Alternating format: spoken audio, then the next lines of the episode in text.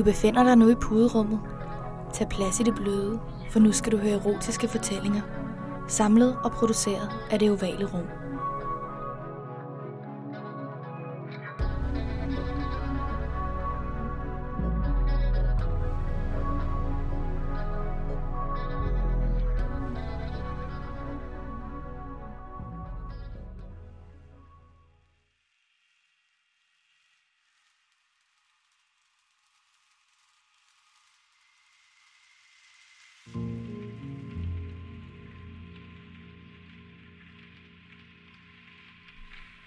Første gang vi gjorde det, så jeg ham stå alene i byen.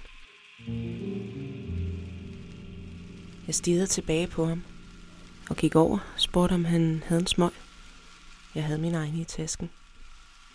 Vi forsøgte at stille de der spørgsmål, man kan udenad, men som man glemmer svaret på næsten med det samme.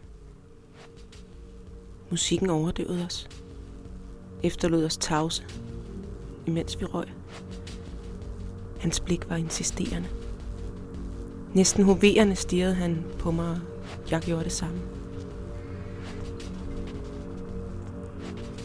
Jeg rakte ham en øl, og vi drak af flasken, til den var tom. Bagefter dansede vi. Vi grinede, selvom lyden blev væk. Vores ansigter kom tættere på hinanden. Jeg lod min hånd strejfe ham i siden, så det virkede tilfældigt. Afstanden imellem os blev mindre og mindre. Det er som at stå i kø til noget. Endelig at nå frem til konduktøren. Køb sin billet og så stige ombord. Derfra er der kun én vej. Og det er for sent at fortryde. Det summede i min krop. Jeg slog blikket ned. Sekunderne efter kyssede han mig. Han smagte lidt af tobak, og hans tunge føltes blød og varm. Forsigtigt snærede vi os ind i en rytme. Jeg fandt hans hænder og tog dem i mine, viklede fingrene imellem hinanden. Musikken skiftede til en anden sang, og i den korte pause stoppede vi. Han spurgte, hvor jeg boede, og svarede selv, at der var to minutter til hans lejlighed. Hjemme hos ham drak vi vand. Jeg kiggede på hans pladesamling, som langt fra var noget fascinerende syn. Jeg vendte mig væk fra pladerne og stod ansigt til ansigt med ham. Han holdt armene over kors foran sig. Da jeg tog et skridt nærmere imod ham, stillede han hurtigt vandglasset fra sig. Først kyssede vi forsigtigt og afprøvende, men så trak han mig ind på soveværelset, skubbede mig ned på sengen og smilede skævt, imens han tårnede sig op over mig. Jeg gled op på albuerne for at møde ham, da han kravlede ned til mig – han kyssede min hals, og jeg spredte mine lår og foldede mit ene ben rundt om ham. Vores skridt var trykket fast sammen. Men han begyndte at gnide sit underliv mod mit, løfte sig væk og trykke sig hårdt ind imod mig igen. Skiftevis ramte hans bæltespænder og hans pik mig i skridtet. Han trak tøjet af mig et stykke af gangen, indtil jeg kun havde trusser på. Hans hånd kryb ind under trussekanten og rørte ved min fisse masserede mine kønslæber med fast greb, der ramte klitoris ind imellem. Han virkede ikke længere nervøs. Jeg spredte mine ben helt ud til siden og trak vejret dybere. Han fortsatte med at massere min fisse. Jeg mærkede, hvordan varmen fra hans bevægelser spredte sig ind i min skede og fik det til at løbe med saft. Jeg lukkede øjnene og rullede om på siden, imens han fandt et kondom. Jeg lagde ikke mærke til, at han havde det på, før hans pik stødte op i mig bagfra. Vi lå i ske, og han rykkede sin krop tæt ind til min. Hans skridt føltes varmt imod mine baller, og han tog fat om mine lår og flyttede dem, imens han skød sig bestemt ind i mig. På et tidspunkt vendte jeg ansigtet op mod ham. Tog fat i den hånd, han holdt af min balle for at få ham til at stoppe. Lad os gøre noget andet, sagde jeg. Han så spørgende på mig, men jeg kunne ikke sige mere. I stedet gled jeg fri af ham, rullede om på maven og løftede mig op på albuerne og smilede til ham. Han kiggede et øjeblik tavs på mig, så brød et skævt smil frem. Han rejste sig op, lagde sig ind over mig, men inden hans vægt ramte mig, rejste jeg mig op på knæene. Nej, oppe, sagde jeg, og dirigerede ham opad ved at presse min røv imod hans skridt. Han svarede ikke, men jeg hørte ham sukke tungt. Han pressede sin pik ind imod mit skridt.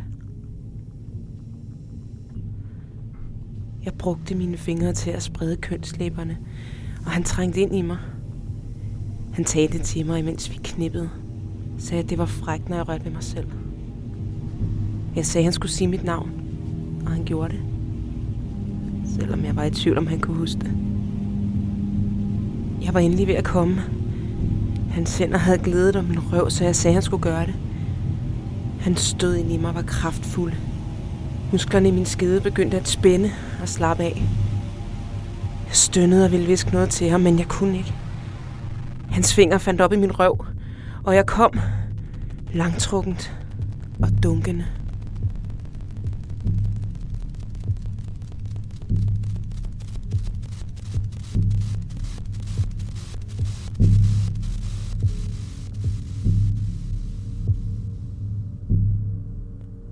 Næste morgen smilede vi til hinanden, da jeg gik. Vi havde knippet hele natten, men om morgenen var vi blevet til to fremmede, der skulle have en samtale. Om lejlighedskøb, studie, familie og hvad ved jeg. I morgenlyset havde vi begge vildt pjusket hår. Min mascara var drysset ned under øjnene og trak mørke render. Han tog t-shirt og bukser på for at følge mig ud til døren. Farveldansen sluttede hurtigere, end den startede. Jeg skyndte mig ned til det nærmeste bageri, som lørdag formiddag haves af kaffe latte forældre med barnevogne. Jeg ignorerede deres blikke. Der går flere byture, hvor jeg spejder efter ham på den samme bar. Men han er der ikke. Eller også ser jeg ham ikke. Trappetrinene er forsvundet i mørket. Det røde lys fra kælderrummet kan ikke lyse dem op. Jeg styrer blindt nedad. Da jeg når bunden af trappen, møder et syn af sorte skygger og silhuetter mig. Alt er et mørke, og jeg blinker med øjnene i modlyset og fornemmer blikkene, der kigger mod trappen og de nyankomne. Indvendigt krymper jeg sammen, men retter alligevel ryggen og går over til garderoben. Skræller lag af vintertøj og jakker af. Hiver ned i min kjole og mærker et koldt sus ramme min bare ryg. Pigen i garderoben ligner en sangerinde, jeg kender. Men det har hun hørt før, siger hun og tager 20 kroner for at hænge min jakke på en bøjle. Ude på toilettet er lyset til gengæld skarpt og lyser ubarmhjertigt ansigterne op. Pigernes makeup bliver tydeligere, og vi kigger undvigende i spejlene. Jeg går ned til enden af lokalet til det sidste toilet. Der er nogen derinde, og jeg stiller mig i kø for at vente. Døren til toilettet går pludselig op. To skikkelser står båret sammen over noget i mørket. Den ene holder et stykke rullet papir op til næsen, imens den anden dreng ser, at døren er gået op. Han får øje på mig, og hans ansigt bryder ud i et bredt smil. Skal du have en bane? spørger han. Jeg ryster på hovedet, men smiler. De lukker døren, og jeg drejer hovedet væk og kigger ud i rummet. Det er kun af nød, man går ud på unisex-toiletterne, som er indrettet med døre, der ikke kan låses. De to drenge kommer ud, og jeg går ind og forsøger at stille mig over skrevs på toilettet. Mine ben syrer og minder mig om alle de squats, jeg ikke har lavet. Jeg tisser færdig, vasker hænder og går ud til baren. Selvom musikkens lyd er hissig og hurtig, er det som om alt andet går i slow motion. Blikke søger igennem rummet, og folk kigger længere tid på hinanden, end de normalt ville ture.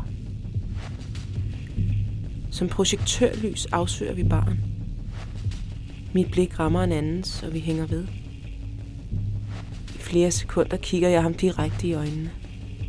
Han smiler ikke, og jeg gør heller ikke. Det er ham.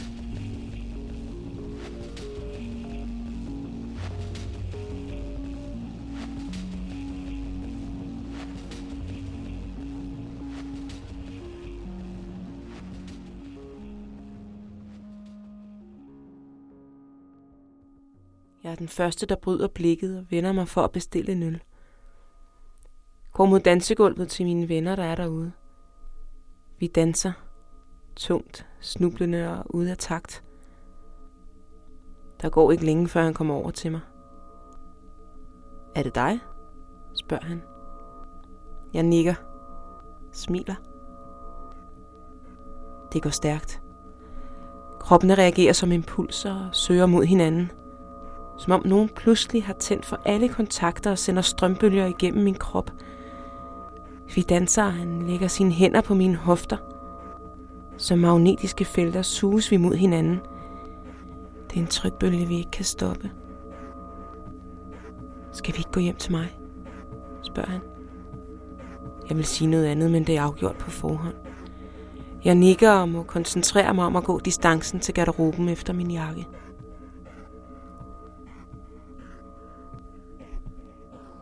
Hans krop er en smule feminin. Det ligger i hans bevægelser, som er slanke og glatte. Han er omhyggelig, når han stiller to glas frem og hælder vodka i dem. Vi skåler og drikker. Han læner sig tilbage mod væggen over for mig. Hans høje krop ser ud til at blive mindre. Jeg stiger på ham. Velvidende at mit blik er fyldt af forventning. Jeg tror, det skræmmer ham. Selvom jeg forsøger at undertrykke billederne, springer de pludselig frem for mit indre blik. Af hvordan han så ud med lukkede øjne og bare overkrop. Af hvordan det føltes, inden han penetrerede mig. Hvordan jeg blev skræmt over hans beslutsomme grådighed. Og hvordan tanken om det nu gør mig liderlig som bare fanden. Imens kigger jeg på ham og prøver at filtrere alle de indre billeder væk. Han fortæller om studie, hans hjemby og nye lejlighed. Jeg drikker den stærke vodka. Koncentrerer mig om ikke at blinke og bare lytte efter.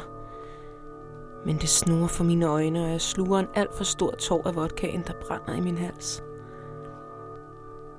Jeg kan ikke undertrykke et host, og han smiler og ryster på hovedet stiller sit eget glas og kommer lydløst over og tager min hånd.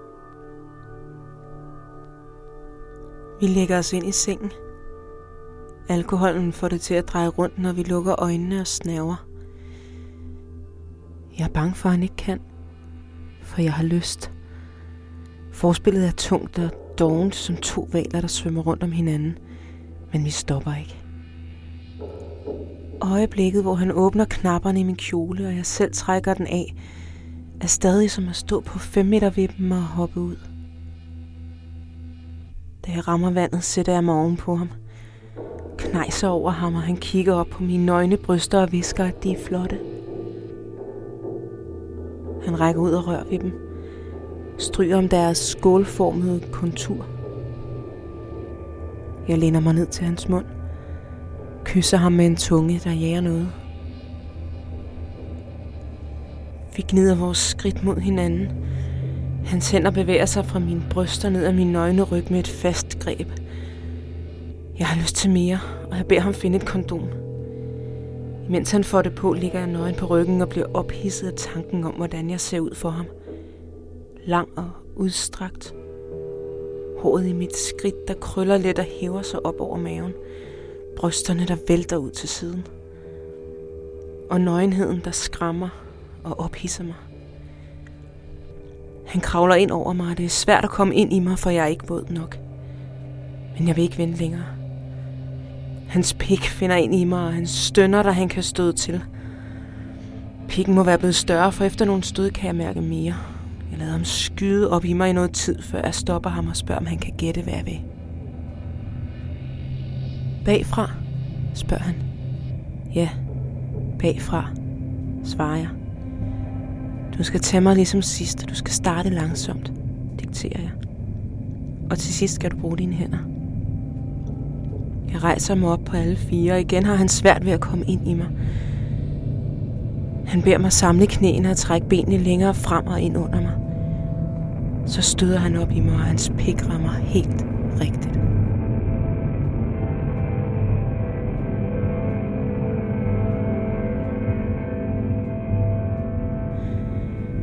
Urfølelsen, der kommer fra mit underliv og sendes ud i min krop, er så vanvittig.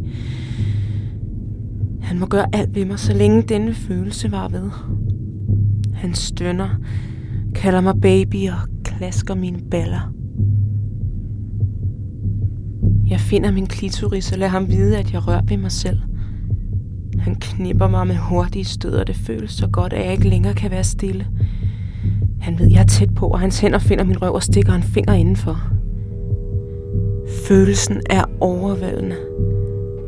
I 10 sekunder lever jeg kun for hans pik. Hans finger i min røv får orgasmen til at blive dyb og længe. Som musik med tung bas, der vibrerer i hele kroppen. Jeg skriger, da jeg kommer. Jeg lander tungt på madrassen, og han lægger sig ved siden af mig. Jeg ler, da jeg kan trække vejret igen. Han er ikke færdig og vil have mere. Jeg giver efter og lader mig trække ind til ham.